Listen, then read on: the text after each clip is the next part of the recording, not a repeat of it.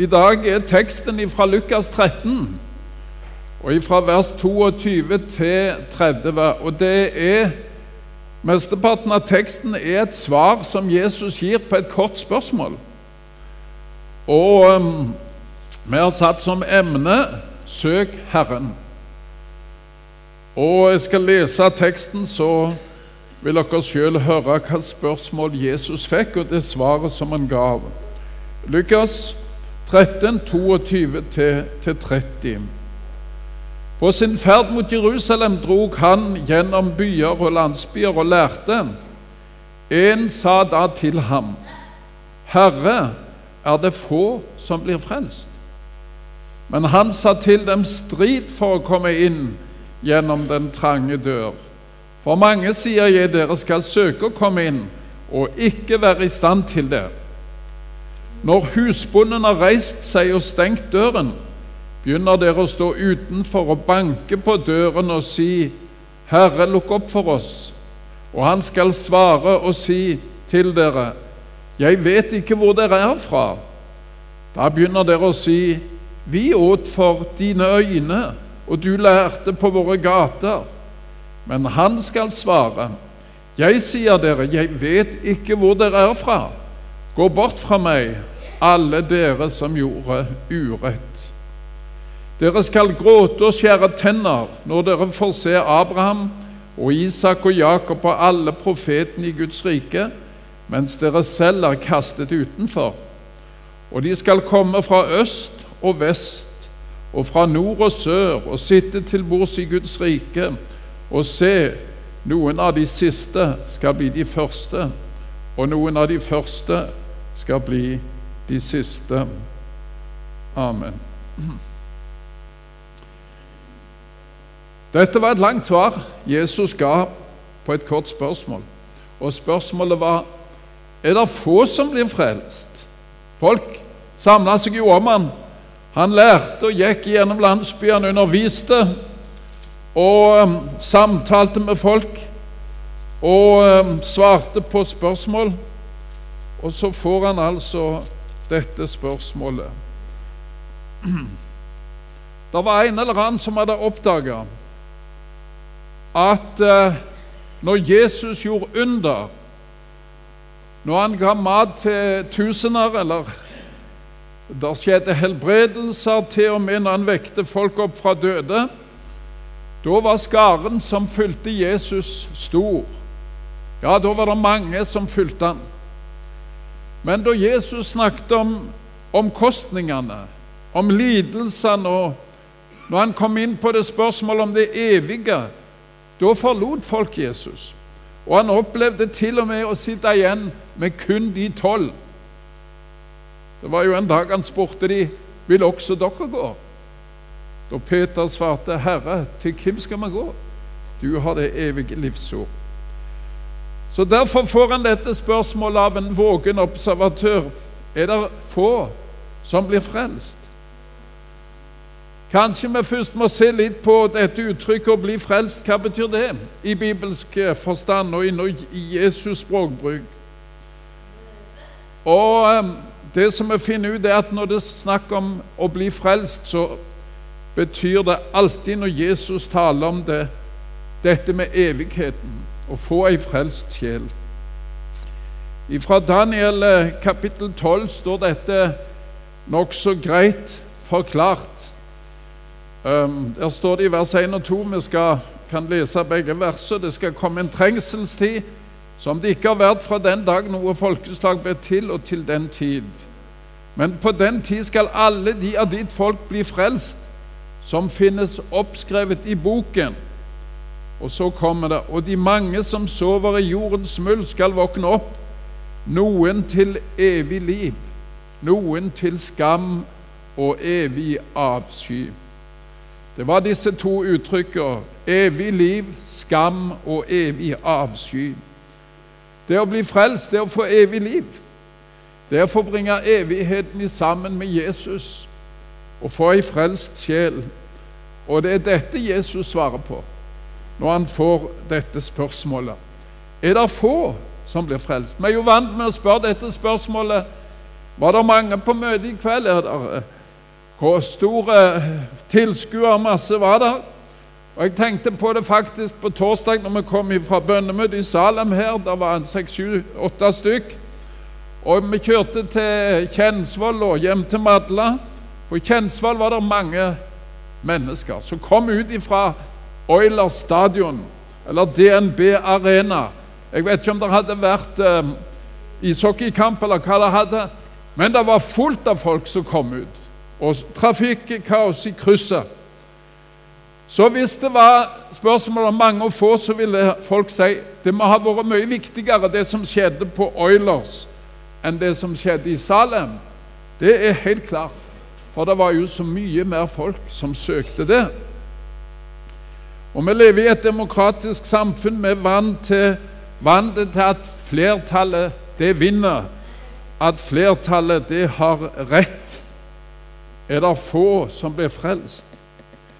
Da er det kanskje bra å minne av og til om at eh, prosjektet med Noas ark, det var et mindretallsprosjekt. Et stort mindretallsprosjekt. Da gikk det ikke hva de fleste mente, for de fleste hadde feil. Da gikk det hva de få mente, eller hva de få gjorde, de som hadde hørt Guds ord om å bygge en ark, og som tok tilflukt i arken. Det ser ikke ut for at Jesus svarer direkte på dette, om det er få eller mange. Det ser ikke ut til at han er først og fremst eh, opptatt med antallet. Og slettes ikke er han opptatt av demokratiske spilleregler. Han sier at mange vil prøve å komme inn, men de vil ikke være i stand til, det. For døra, den er trang.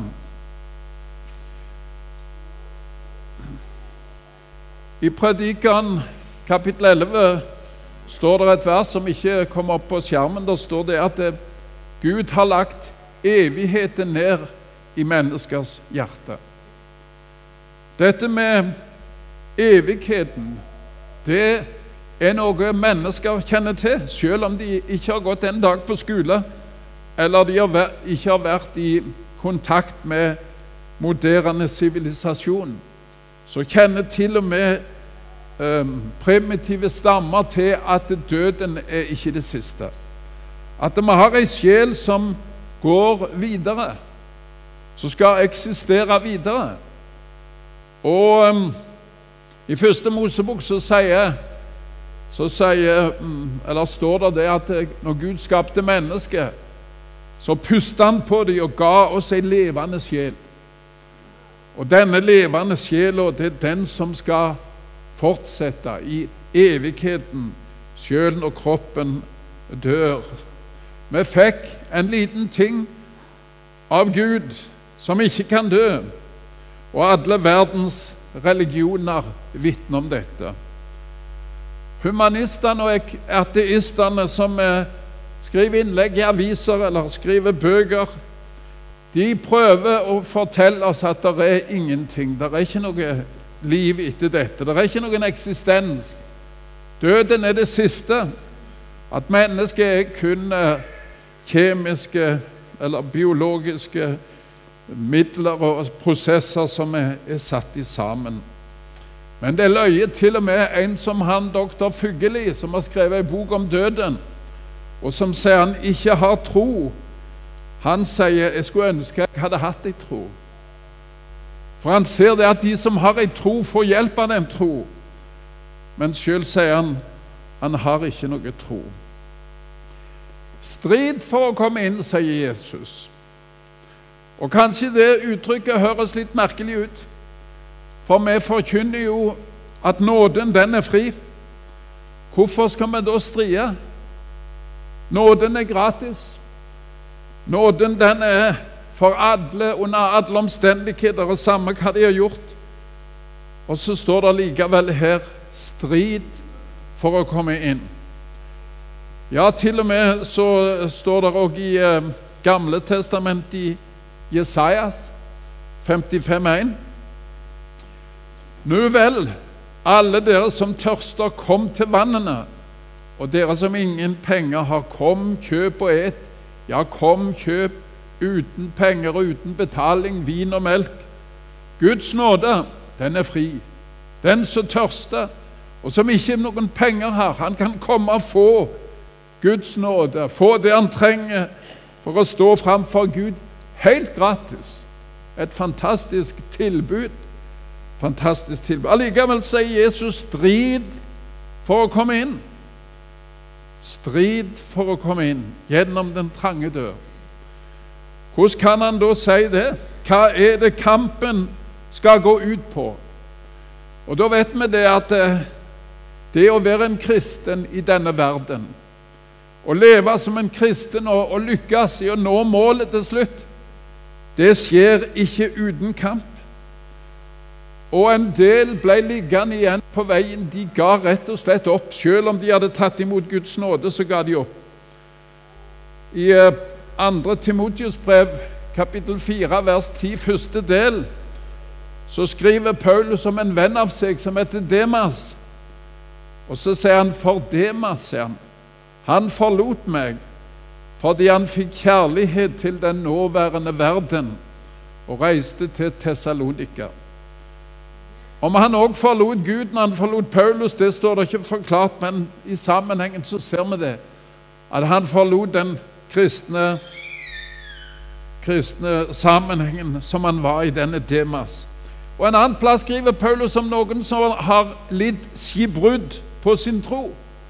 De har forlist, rett og slett. Troen har forlist i møte med denne verdens påkjenninger og utfordringer. Og Når jeg tenker tilbake Vi gikk her i ungdommen i Salem. Det var smikkfullt på lørdagskvelden, både oppe og nede. Og jeg tenker på en del av de som vi var sammen med der, som kanskje har slutta å gå i kristen forsamling og i kristen sammenheng. Noen ble så opptatt av det materielle og fikk det så travelt at dette med Gud og Jesus det ble så nedprioritert. Og til slutt så betydde det ikke noe lenger. Mange ting tyder på at troen hadde litt skipbrudd.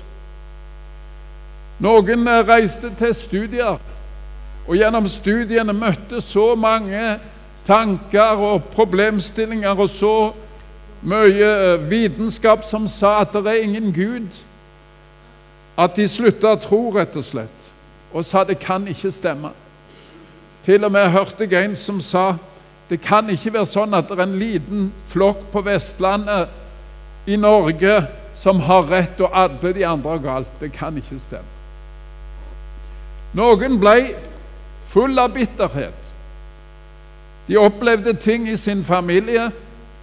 De opplevde ting med andre kristne, kanskje av kristne foreldre til og med som gjorde at de tok avstand ifra troen. Hvis det er sånn det er, så kan de bare ha det for oss.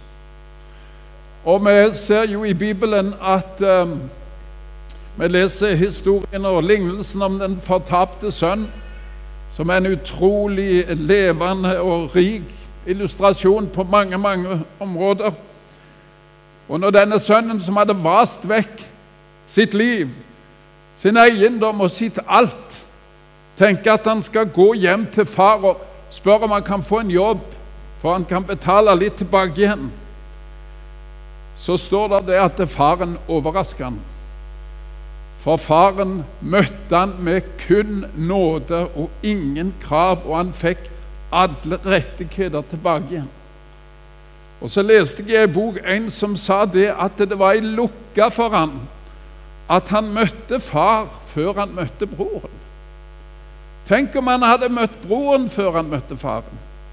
Da er det ikke sikkert han hadde kommet hjem til far i det hele tatt.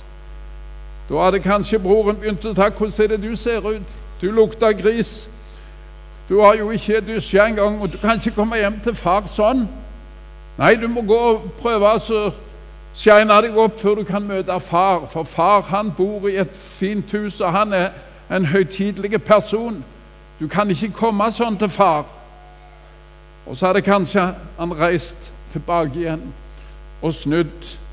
Og så var det en del som møtte sånne kristne, som kom med krav, og så trodde de det var far de møtte, og så var det ikke far. Det var ikke en Gud som møtte de full av nåde, det var andre kristne som møtte de med krav. Og der må vi som lever som kristne, tenke på hvem vi representerer. Når vi møter andre mennesker, vi representerer en far og ikke broren i den lignelsen. Vi kan tilby nåde. Vi har ingenting med å tilby masse krav. Vers 25. Når husbonden har reist seg og stengt døren Dette uttrykket 'når Gud reiser seg' det finner vi også i Apostlenes gjerninger og historien om Stefanus. Når de steiner han, så ser han jeg ser himmelen åpen og menneskesønnen stå. Det er akkurat som når, når menneskets siste skjebne skal avgjøres, så reiser Jesus seg. Så reiser Gud seg. Det er så viktig.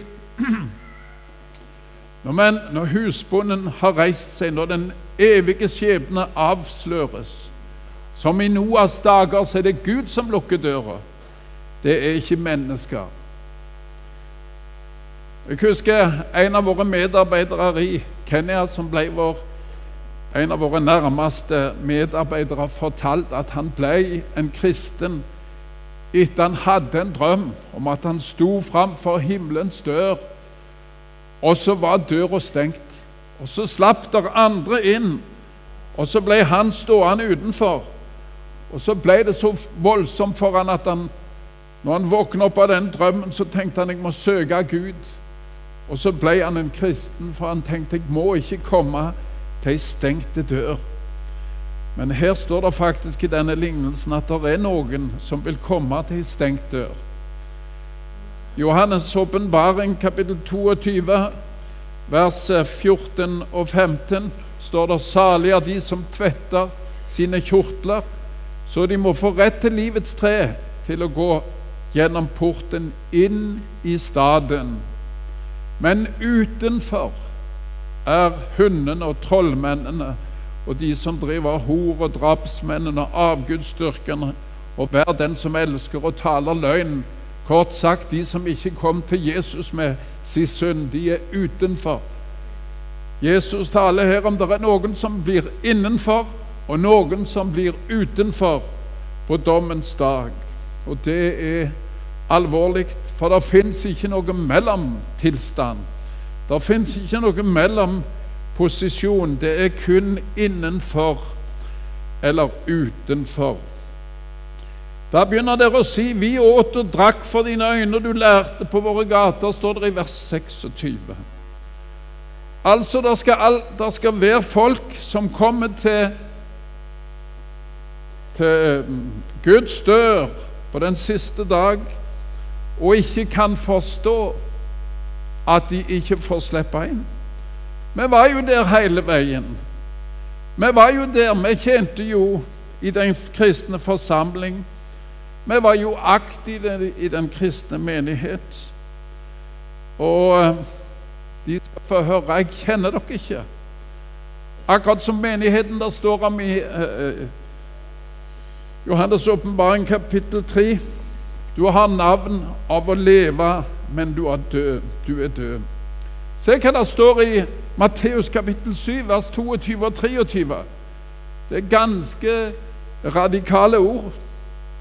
Mange skal si til meg på den dagen, Herre, Herre, har vi ikke profetert i ditt navn, drevet ut onde ånder i ditt navn og gjort mange kraftige gjerninger i ditt navn?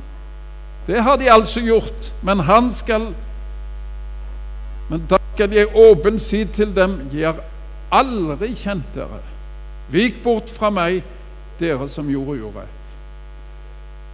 Tenk det skal komme folk og gjøre under, i Jesu navn til og med, og ikke ha et rett for hjerteforhold til Jesus. Det er alvorlige saker. For det er jo sånn i våre dager at der det skjer overnaturlige ting, der er folk sikre på at der er det sann kristendom. Hvis det er folk som blir helbredet, og hvis det er andre under som skjer, så trenger en ikke diskutere lenge før folk sier ja, men det er jo bevis. Det er jo sann kristendom. Vi var på en konferanse, noen av oss, på Holmavatn i januar. Det var han eh, Storm Johansen som var her for noen uker siden. Han som jeg kalte for Full Storm Johansen. Det var han som arrangerte denne konferansen. Veldig fin eh, møte. Han hadde noen venner fra USA som hadde noen kjempegode timer om dette med å stole på Guds ord og bruke Guds ord, Guds ord i sentrum. Og en av de han sa slik Det er mange forsamlinger og kirker med stor vekst i dag som er på vei til å dø. Folk samles i tusenvis, men menigheten er på vei til å dø. For det at det er noe i det indre liv som er blitt feil. De søker en annen Jesus, en Jesus som kan tilfredsstille mine behov, som en Jesus som kan leke mine sykdommer. ja som gir sjelefred og suksess, framgang, ja. Paradis her i livet. Og mye av dette er jo ikke feil, men det er ingen tale om omvendelse. Det er ingen tale om oppgjør med synd. Og korsets dårskap er ikke der. Derfor, sa han, er det mange forsamlinger, mange folk. Forsamlingen vokser. Men menigheten er i ferd med å dø, for det er en annen Jesus det forkynnes, ikke Bibelens Jesus. Det blir et slags kristent selvbedrag med kristen glasur. Til og med kong David, så lenge siden, var oppmerksomme på frafallets og selvbedragets mulighet. Derfor ber kong David i Salme 139 denne flotte salmen der han uttrykker tillit til Gud, som har eh, kjent han helt ifra fosterstadiet. Og så sier han til slutt, ransak meg, Gud, og kjenn mitt hjerte. Prøv meg å kjenne mine mangfoldige tanker og se om jeg er på fortapelsens vei, og led meg på evighetens vei. Ransak meg, Gud, slik at jeg ikke lider skipbrudd på min tro, og så tror jeg at alt er ok. Fokuset er blitt helt feil. Jeg er med i kristen aktivitet, men fokuset er helt feil. Det er en annen Jesus jeg tilber. Hva er da kjennetegn på en sann tro og en levende tro? En tro som den tro som Jesus taler til oss om og Da syns jeg eh, Ikke bare syns, men det står en fin beskrivelse i Jesajas, Jesaja 57 og i det 15. vers. For så sier den høye, den opphøyde, Han som troner for evig, Han som bærer navnet Hellig, altså Gud. I det høye og hellige bor jeg, og hos den som er sønderknust og nedbøyd i ånden, for å gjenopplive de nedbøydes ånd og gjøre de sønderknustes hjerter levende. Tenk, Gud bor i det høye og hellige, ja. Han har skapt verden. Han har tiden i sin hånd. Og så bor han hos den som i ydmykhet lever i tro på Han. Jakobs brev, kapittel 4, vers 6, står der noe av det samme. Derfor sier Skriften Gud står de stolte imot, men de ydmyke gir Han nåde. Så tales det altså her om et rett forhold til Gud. Det er et forhold i ydmykhet. Ja, men kan du si det er mange slags ydmykhet? Det går an å være ydmyk, men å ikke ha noe med Jesus å gjøre, ja, det er sant. Men ydmykhet overfor Gud, det er f.eks. uttrykt i en sang som jeg ikke skal synge for dere, men jeg skal lese tre vers av en sang som dere kan godt, som for meg uttrykker denne rette ydmykhet og denne rette avhengigheten av Jesus. Sangen på 268. Klippe du som brast for meg, la meg gjemme meg i deg.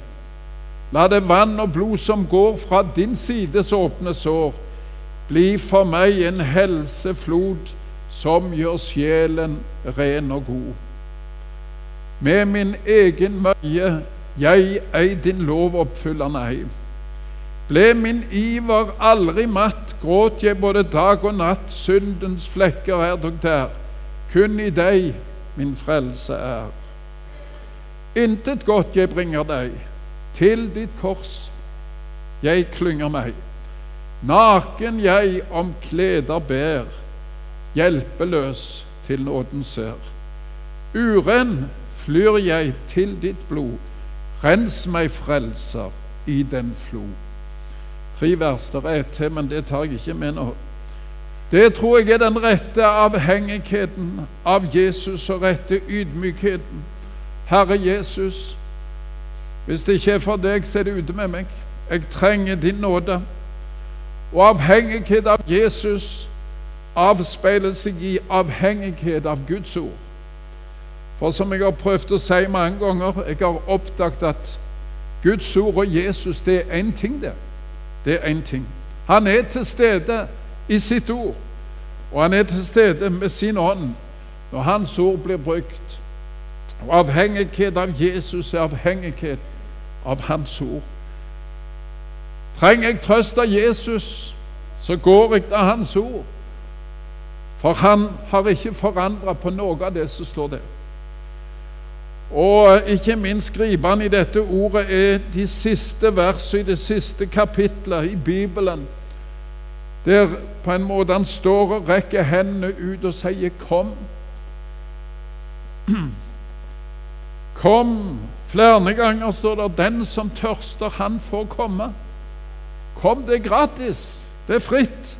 Vær så god, kom og få nåde. Teksten videre forteller oss, eller der forteller Jesus, at det er noen som kommer til å få tyngste, den tyngste beskjed som noe menneske kan få i himmel og på jord, vers 27. Men han skal svare, jeg sier dere, jeg vet ikke hvor dere er fra. Gå bort fra meg, alle dere som gjorde urett. De samme ord som han fortalte om de jomfruene som ikke hadde olje på lampen. Det er samme ting. Gå bort fra meg, dere som gjorde urett. Å gjøre rett å gjøre Guds gjerning, det er å tro på Han i ydmykhet. Det er ikke noe hokus pokus. Dere som gjorde ut, urett, det er å ikke tro på Han for de sjels frelse. Og ikke ha behov for Han til syndenes forlatelse. Det er å gjøre urett, ifølge Skriften. Dere skal gråte og skjære tenner når dere får se Abraham, Isak og Jakob og alle profetene i Guds rike. Dette ordet jeg så på det, det ble en ufattelig trøst for meg.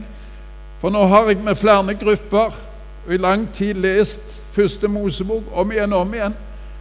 Og lest om Abraham, Isak og Jakob. Og det er sannelig ikke alltid så mye det ble imponert av.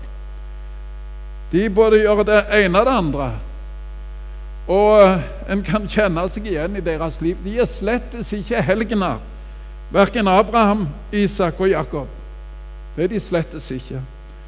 Men de hadde det at de kom tilbake og hadde behov for Gud og hans tilgivelse. Det er derfor de får komme inn i Guds rike sammen med de profetene som trengte Gud, og som trengte hans stedfortredende offer for dem. Og derfor er det de får komme inn. Så sto det de skal komme fra øst og vest og fra nord og sør og sitte til bords i Guds rike.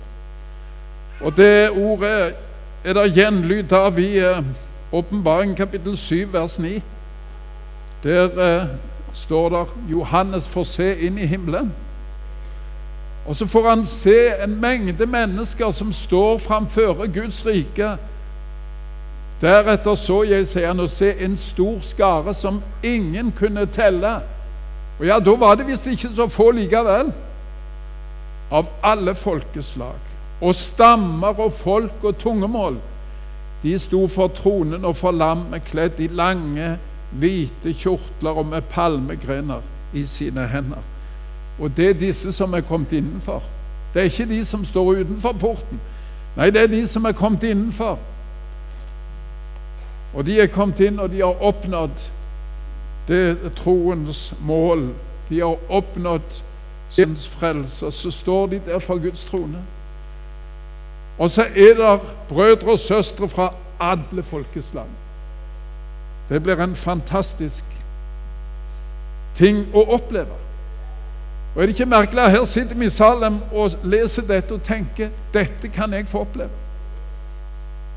Dette kan jeg få oppleve. Holder jeg meg til Jesus her i livet, så skal jeg få oppleve å stå framfor Guds trone med ei frelst sjel i sammen med folk ifra alle folkeslag. Og så sto det et vers til slutt, og noen av de siste skal bli de første. Et underlig ord. Men eh, når vi var i Afrika, så fikk meg i misjonen være med å gi evangeliet til folk som omtrent aldri hadde hørt. De hadde hørt om Jesus som et rykte på markedsplassen, men aldri hadde hørt. Og så tok de imot Jesu ord fra Bibelen med begeistring. Og Et av de siste eh, årene jeg var der, så var jeg på en leir med 600 ungdommer. Første generasjons kristne på en, en leir. Og det var en hunger etter Guds ord og en begeistring for denne Jesus. Og da gikk det opp for meg sannelig noen av de siste skal bli de første. For det de tar imot med begeistring, og så ser de det at det, Og det er jo dette vi har lengta etter. Det er jo dette våre fedre søkte etter, men ikke fant, og så har vi funnet det. Og så er de fulle av takknemlighet og pris til Han som har gjort det så greit for oss mennesker å bli frelst. Og om det er noen her i forsamlingen som har det uklart i sitt trosliv, så ikke utsett den saken. Kanskje vi kan hjelpe deg til å få klarhet i din trosliv. Det er kanskje ting du må gjøre opp, som stenger. Og så skal du få lov å få et møte med Jesus. Og så er vi noen her som kan prøve å hjelpe deg, og vi kan hjelpe hverandre. La oss be. Takk, Jesus, for dette alvorlige ord. Og vi kjenner at det er ransakende, for vi må spørre oss sjøl hvordan er min situasjon? Må du ransake oss, Herre Jesus, den enkelte, så ingen av oss eh, fortsetter i et selvbedrag. Og så må du se til oss, den enkelte, Herre, og send din vekkende ånd over Salem over forsamlingen. Vær du hos oss, Jesus. Vi ber for ditt navns skyld. Amen.